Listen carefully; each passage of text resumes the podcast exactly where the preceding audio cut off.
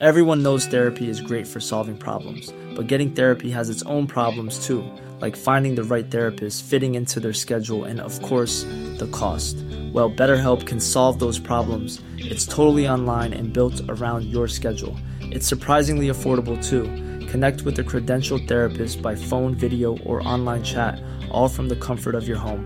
Visit betterhelp.com to learn more and save 10% on your first month. That's BetterHelp, H E L P. Halo pendengar ganteng-ganteng Manchester United Podcast. Balik lagi bersama kita berdua dan pada kali ini kita akan ngebahas sebuah topik tentang bagaimana seni membuang-buang peluang.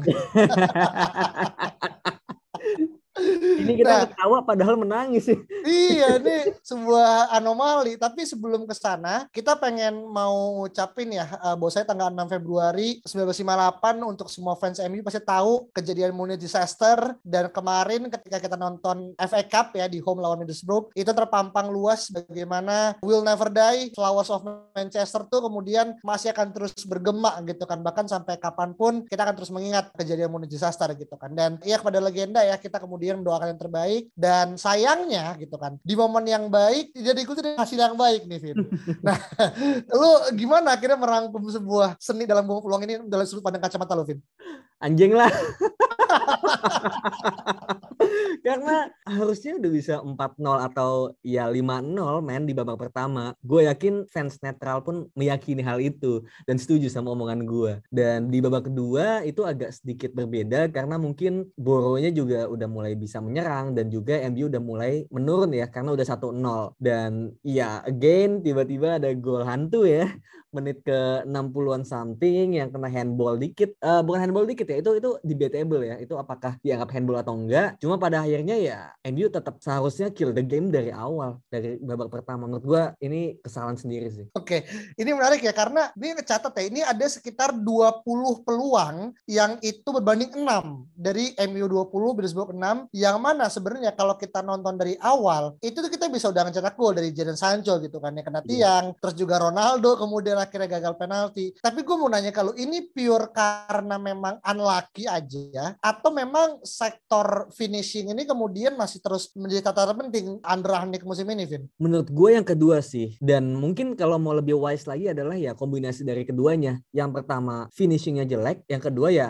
suwe aja, unlucky aja. Seorang Ronaldo bisa gagal penalti di FA Cup melawan Boro aja itu udah hal yang aneh kan. Kedua Bruno Fernandes dari jarak segitu yang gawang juga udah menganga lebar, kipernya udah nggak tahu di mana, itu bisa kena tiang aja udah aneh. Jadi ini udah lebih dari sekedar finishing yang jelek tapi ada bumbu-bumbu unlucky juga. Tapi gue nggak bilang bahwa ini sekedar unlucky gitu. Masih ada banyak sektor depan ya terutama yang mana menurut gue harus lebih buas lagi dalam menyelesaikan peluang. Dan juga mungkin ya terlepas dari perdebatan Ronaldo ya apakah dia masih pantas ber- pantas tuh dalam arti bisa bermain terus-terusan ya itu menurut gue dia kurang fit juga kurang dikasih umpan juga karena banyak pemain yang ingin mencetak gol sendiri. Oke, nah ini menarik ya karena konteks Ronaldo dan juga beberapa pemain yang kemudian kemarin tuh jujur gue apa MU kemarin lagi crossbar challenge ya gitu kan.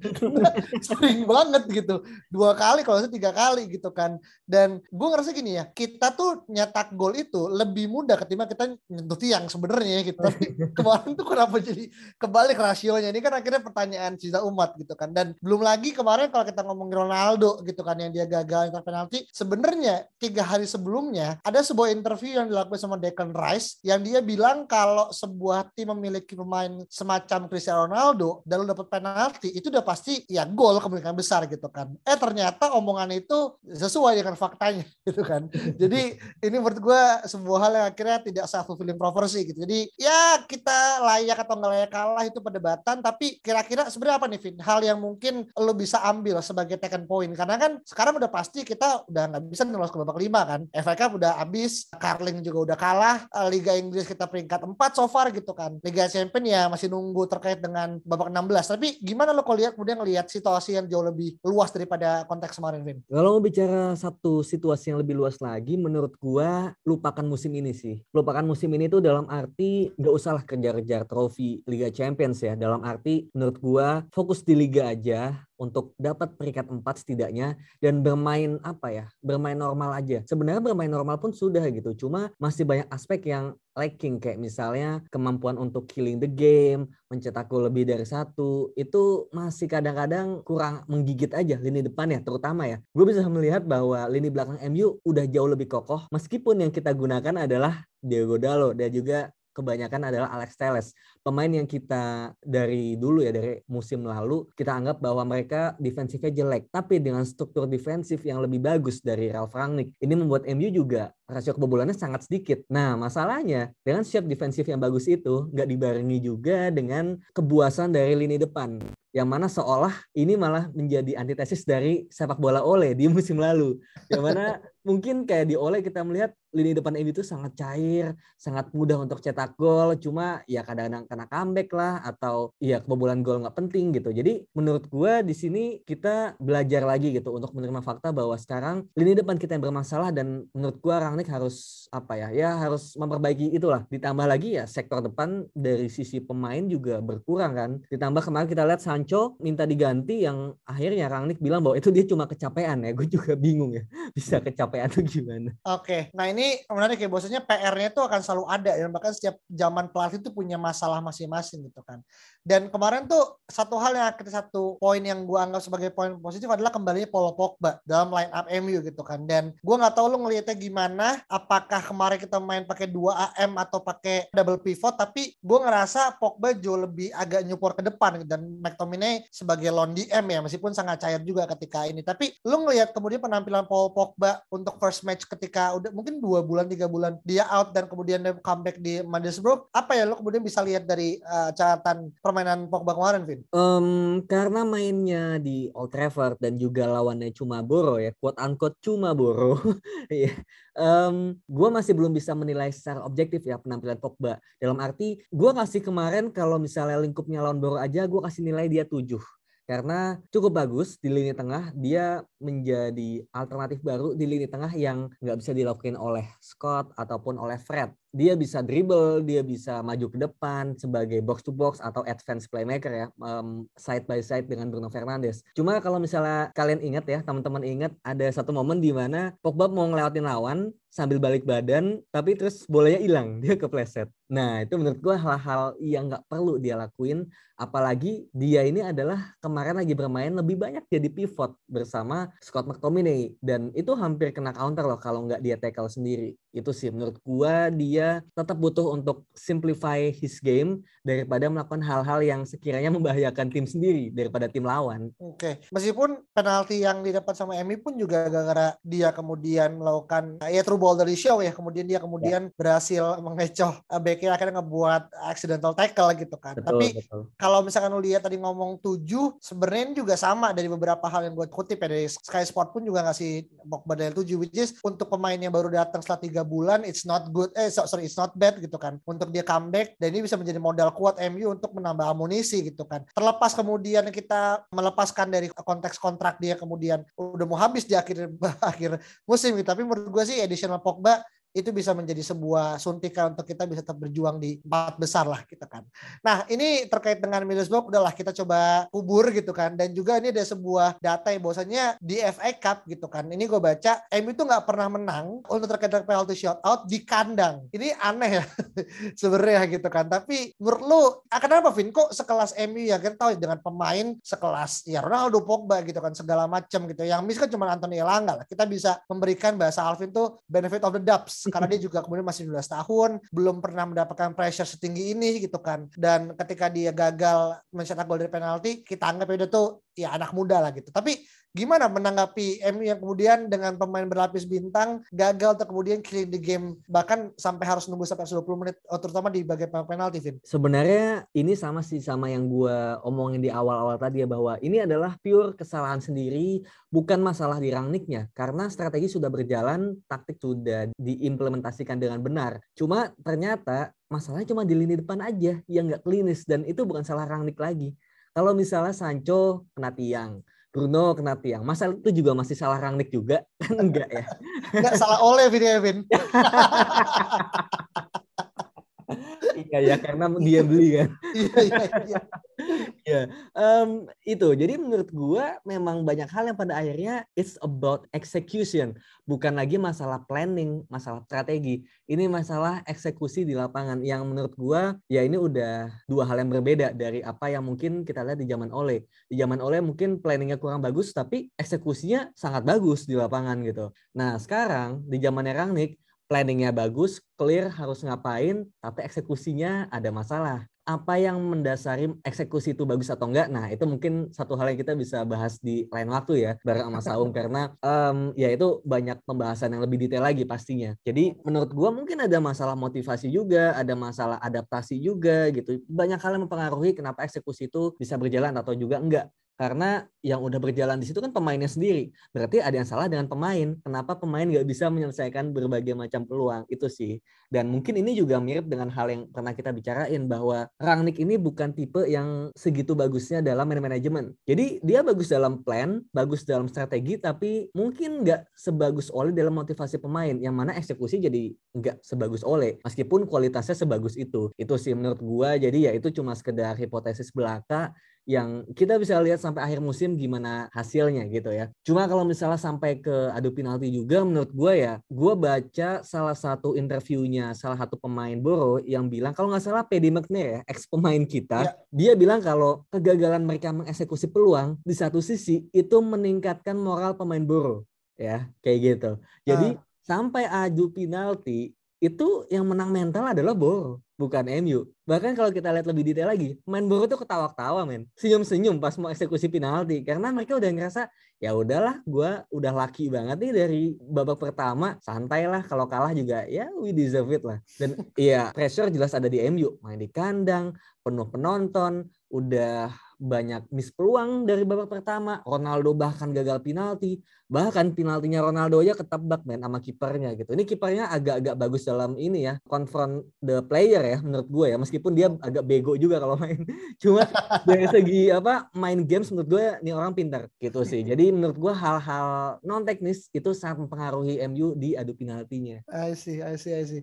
Dan uh, iya sih kemarin gue juga gue sempat baca juga tuh yang masalah Padding Man ngomong gitu kan. Dan menurut gue lucu ya ketika apa namanya seorang ex player gitu kan dan Paddy McNair ini kan ya mereka kan dia kan di, di orbit kan sama Luis Van Hal kan kalau oh. masih ingat gitu kan ya, ya, ketika ya. kita saat itu tahun 2015 2016 gitu kan dan ujungnya sekarang gue baru tahu kalau dia akhirnya main di Borough gitu dan ngambil penalti pertama ke hadapan Starford Andrews, Starford Andrews gitu kan. Jadi ya itu menurut gue sebuah hal yang akhirnya ya simply uh, Middlesbrough tuh underdog aja gitu dan dia datang tanpa ada pressure apa pun gitu kan dan ya udahlah ya gitu kita bisa asumsikan ini sebuah catatan dan tetap ada pembelajaran tapi menurut gue ini lebih pada teknikal yang kita nggak bisa nyalahkan Rahnik apalagi Ole gitu kan. Oke oke. Nah ini menarik ya karena jeda tiga hari kita akan bermain lagi balik ke Liga Premier Inggris dan ini kita akan ketemu uh, musuh bebuyutan ya. karena karena menurut gue nih lawannya bisa dibilang tim ini cukup bermain ini ya apa namanya uh, super defensif ya gitu kan Burnley gitu kan dan kita tahu secara catatan sejarah kita sering banget diribetkan dengan dengan tipe-tipe apa namanya tim-tim kayak Burnley gitu nih Vin. Nah lo kemarin ngelihat akhirnya pertemuan MU dengan Burnley eh, di eh, besok Rabu gimana Vin akhirnya Vin? Kalau gue lihat ya harusnya ya harusnya ini adalah ajang yang paling mantap untuk balas dendam ya. Ini ini menurut gue sebagai perwakilan fans MU ya, ini udah nggak terima lagi sih hasil selain kemenangan mutlak ya. Gue jujur gue nggak terima nih. Mau ugly win aja kayak gue bakal tetap gondok gitu lihat ya karena dengan kualitas yang ada dengan planning yang jauh lebih clear bahkan dari oleh ini kalau eksekusi masih jelek juga gue masih nggak habis pikir gitu. Kayak ah ini klub dikutuk deh kayaknya. Kayak bahkan seorang Ronaldo aja bisa gagal di FA Cup di kandang sendiri itu udah kayak oh ini benar-benar salah klubnya sih gitu. Bukan Ronaldonya lagi. Bahkan Ole juga bukan kayaknya gitu. Jadi menurut gua um, dari segi pemain nggak akan ada perubahan yang jauh berbeda. Tinggal menurut gua kuncinya satu bermain solid tapi bisa kill the game. Itu aja, lebih klinis. Bahkan seorang Bruno Fernandes gue agak kecewa ya. Kenapa gerasa kerusuk gitu loh. Mainnya tuh nggak tenang. Itu yang gue bingung ya. Kenapa di final third kita selalu kayak apa ya. Mungkin gue nggak tahu ya. Apakah faktor Ronaldo ini membuat pressure tersendiri, quote unquote ya, buat mereka bahwa oke okay, bola harus gue kasih ke Ronaldo. Yang bikin mereka tuh nggak bisa secair itu. Itu gue nggak tahu. Itu itu cuma sekedar salah satu hipotesis gue kenapa pemain-pemain MU ini agak kagok ya di depan. Oke, jadi ini sebenarnya hal yang kemudian terus menjadi pertanyaan ya, paling masalah keberadaan Ronaldo ini apakah sebuah angin segar ataupun beban gitu kan. Tapi poin yang tadi Alvin sampaikan sebenarnya kemarin pun juga quote unquote bisa kita lihat ya secara gamblang gitu kan. Bagaimana Ronaldo seolah menjadi jadi main center gitu kan sebagai pusat tata surya gitu. Oke kalau di MU gitu kan. Dan semua akhirnya mendadak dia. Tapi kita ngomongin Burnley nih gitu kan. Kita punya dendam dengan Burnley meskipun sebenarnya kalau ngomong dendam kok kayaknya tim sekelas MVP dengan sama Burnley itu kayaknya nggak selevel gitu kan. Tapi kita bisa lihat sekarang Burnley sekarang di posisi 20 ya di uh, posisi paling buncit gitu kan. Dan uh, besok poinnya adalah gimana kalau kita bisa mempertahankan posisi gitu kan untuk bisa stay di empat besar. Untuk masalah chance dan juga masalah pemain nih Vin, lu ngeliat akan ada perubahan nggak Vin secara squad di tubuh MU di besok Rabu Vin? Um, sebenarnya gak susah sih melihatnya dan lebih mudah lagi ketika kita mendengar press conference Rangnick ya, yang mana dia kalau misalnya press conference itu sangat-sangat detail, bahkan sampai strategi pemain dan hal-hal yang mungkin nggak akan kita terima dari Ole itu akan diberikan gitu. kita kayak udah udah dapat uh, bocoran ya apa yang akan terjadi di match nanti gitu. Um, cuma kalau misalnya boleh memperkirakan menurut gua nggak akan banyak berubah akan kembali dengan duo back Maguire dan juga Varane David De Gea akan kembali bukan Dean Henderson lagi kemudian dia udah lo udah pasti bermain karena kita menggunakan Wan Bisaka melawan low block itu ya nonsens aja sih gitu. Kemudian menurut gue mungkin Alex Telles bakal dimainkan ya lebih kepada rotasi aja dan kemudian ya lini tengah menurut gue Pogba akan bermain lagi bersama mungkin Scott um, kemudian di sayap Rashford bakal bermain Sancho juga bakal bermain karena kemarin juga cuma kecapean aja Bruno Fernandes dan juga Cristiano Ronaldo menurut gue gitu. Jadi nggak bakal banyak berubah, cuma mungkin di kiper aja dan juga bek kiri menurut gue itu. Oke, okay. berarti most likely 90% squad akan tetap sama ya. Maksudnya dalam artian dan menurut gue ini bisa jadi semacam kayak prototipe winning tim MU setengah musim kebelakangan seperti ini gitu kan. Benar, ya benar. Pogba akan main, Fernandes akan main, tinggal gonta-ganti di back kiri aja gitu. Kalau tabene itu bisa dibilang posisi yang paling hangat gitu karena yang lainnya most likely sih udah dapat sweet spotnya gitu kan. Bahkan di front di depan sih kayaknya Sancho, Ronaldo dan juga Rashford pun akan akan silih berganti ya di kalau masalah siapa yang di kiri siapa yang di kanan gitu kan. Kemarin oh. kita lihat Rashford di kanan, Sancho di kiri gitu kan. Dan iya iya. Itu sesuatu Irland, yang hmm? sesuatu yang mungkin kita di zaman oleh kemarin kita membayangkannya kebalikan ya kan. Rashford iya. di kiri, Sancho di kanan cuma yang dipakai kebalik. Itu mungkin satu hal yang gue masih um, belum nemu ya kenapa Ranik melakukan itu. iya iya. Dan sebenarnya gue pernah bilang tuh gue inget banget di kalau nggak salah di beberapa episode udah lama sih gue bilang kayak Sancho ini menurut gue jauh lebih cocok untuk main di kiri karena dia tipenya yang kalau ngomongin tipe winger tuh yang eksplosif ya. Ya yeah, lu bisa yeah. tahu lah ya gimana akhirnya tipikal-tipikal kayak ya Sancho atau mungkin sekelas Nicolas Pepe yang mungkin ya stylish gitu kan. Jadi gue nggak ngelihat dia kemudian cocok dengan main di kanan tapi well kemarin akhirnya terbukti gitu kan. Dia nyetak gol juga di sisi kiri meskipun deflection ya, tapi itu menambah pundi-pundi gol dan gol pertama Sancho di FA Cup dan menurut gue sih we looking forward untuk kemudian nunggu keran gol dari Sancho di di Liga Inggris kemudian gitu kan. Uh, mungkin terakhir ini semoga tidak menjadi sebuah presiden buruk untuk terkait dengan yang akan kalah, tapi gue nanya prediksi sekolah berapa nih Vin? Lu disclaimer dulu nih biar nggak disalahin nih. Aduh, gue kemarin tuh pas boro gue prediksi skor nggak ya? Enggak kayak sih. Enggak ya, oke oke. Berarti Iya, um, gua rasa harusnya ya kalau misalnya tidak ada hal aneh yang terjadi ya ketika kayak misalnya FA Cup kemarin ya hal-hal di luar teknis kayak handball aneh kayak gitu. Menurut gua harusnya MU bisa menjaga gawangnya dari kebobolan harusnya ya. Um, dan menurut gua masih akan ugly win 1-0 atau mungkin ya pahit-pahitnya bakal 2-1 sih dan gue tidak melihat MU kayaknya bakal secepat itu bakal bisa cetak lebih dari dua gol karena ya dalam tiga hari kayaknya nggak akan mudah sih untuk memperbaiki apa ya sulitnya mencetak gol gitu. Oke, dan ini masih kita tunggu ya terkait dengan uh, update terkini gimana karena beberapa pemain yang kemudian di Afgan udah balik. Setahu gue karena kemarin gue juga lihat Hanis Belmebi juga yang udah masuk ke bench juga gitu kan, tapi nggak dimainin gitu. Jadi uh, kita menunggu nih eksperimen Rahul nih gitu kan, meskipun ya kita tahu harus uh, sweet apa namanya masih kurang di spot, tapi why untuk kemudian memberikan jam terbang. Apalagi kan Alvin udah bilang ya di musim ini forget lah untuk masalah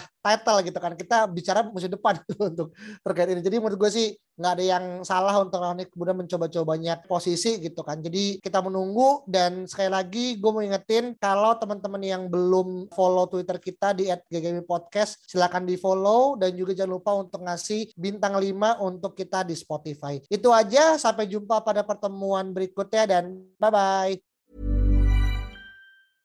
Imagine the softest sheets you've ever felt. Now imagine them getting even softer over time. That's what you'll feel with Bowl and Branch's organic cotton sheets. In a recent customer survey, 96% replied that Bowl and Branch sheets get softer with every wash. Start getting your best night's sleep in these sheets that get softer and softer for years to come. Try their sheets with a 30-night guarantee. Plus, get 15% off your first order at bowlandbranch.com. Code BUTTERY. Exclusions apply. See site for details.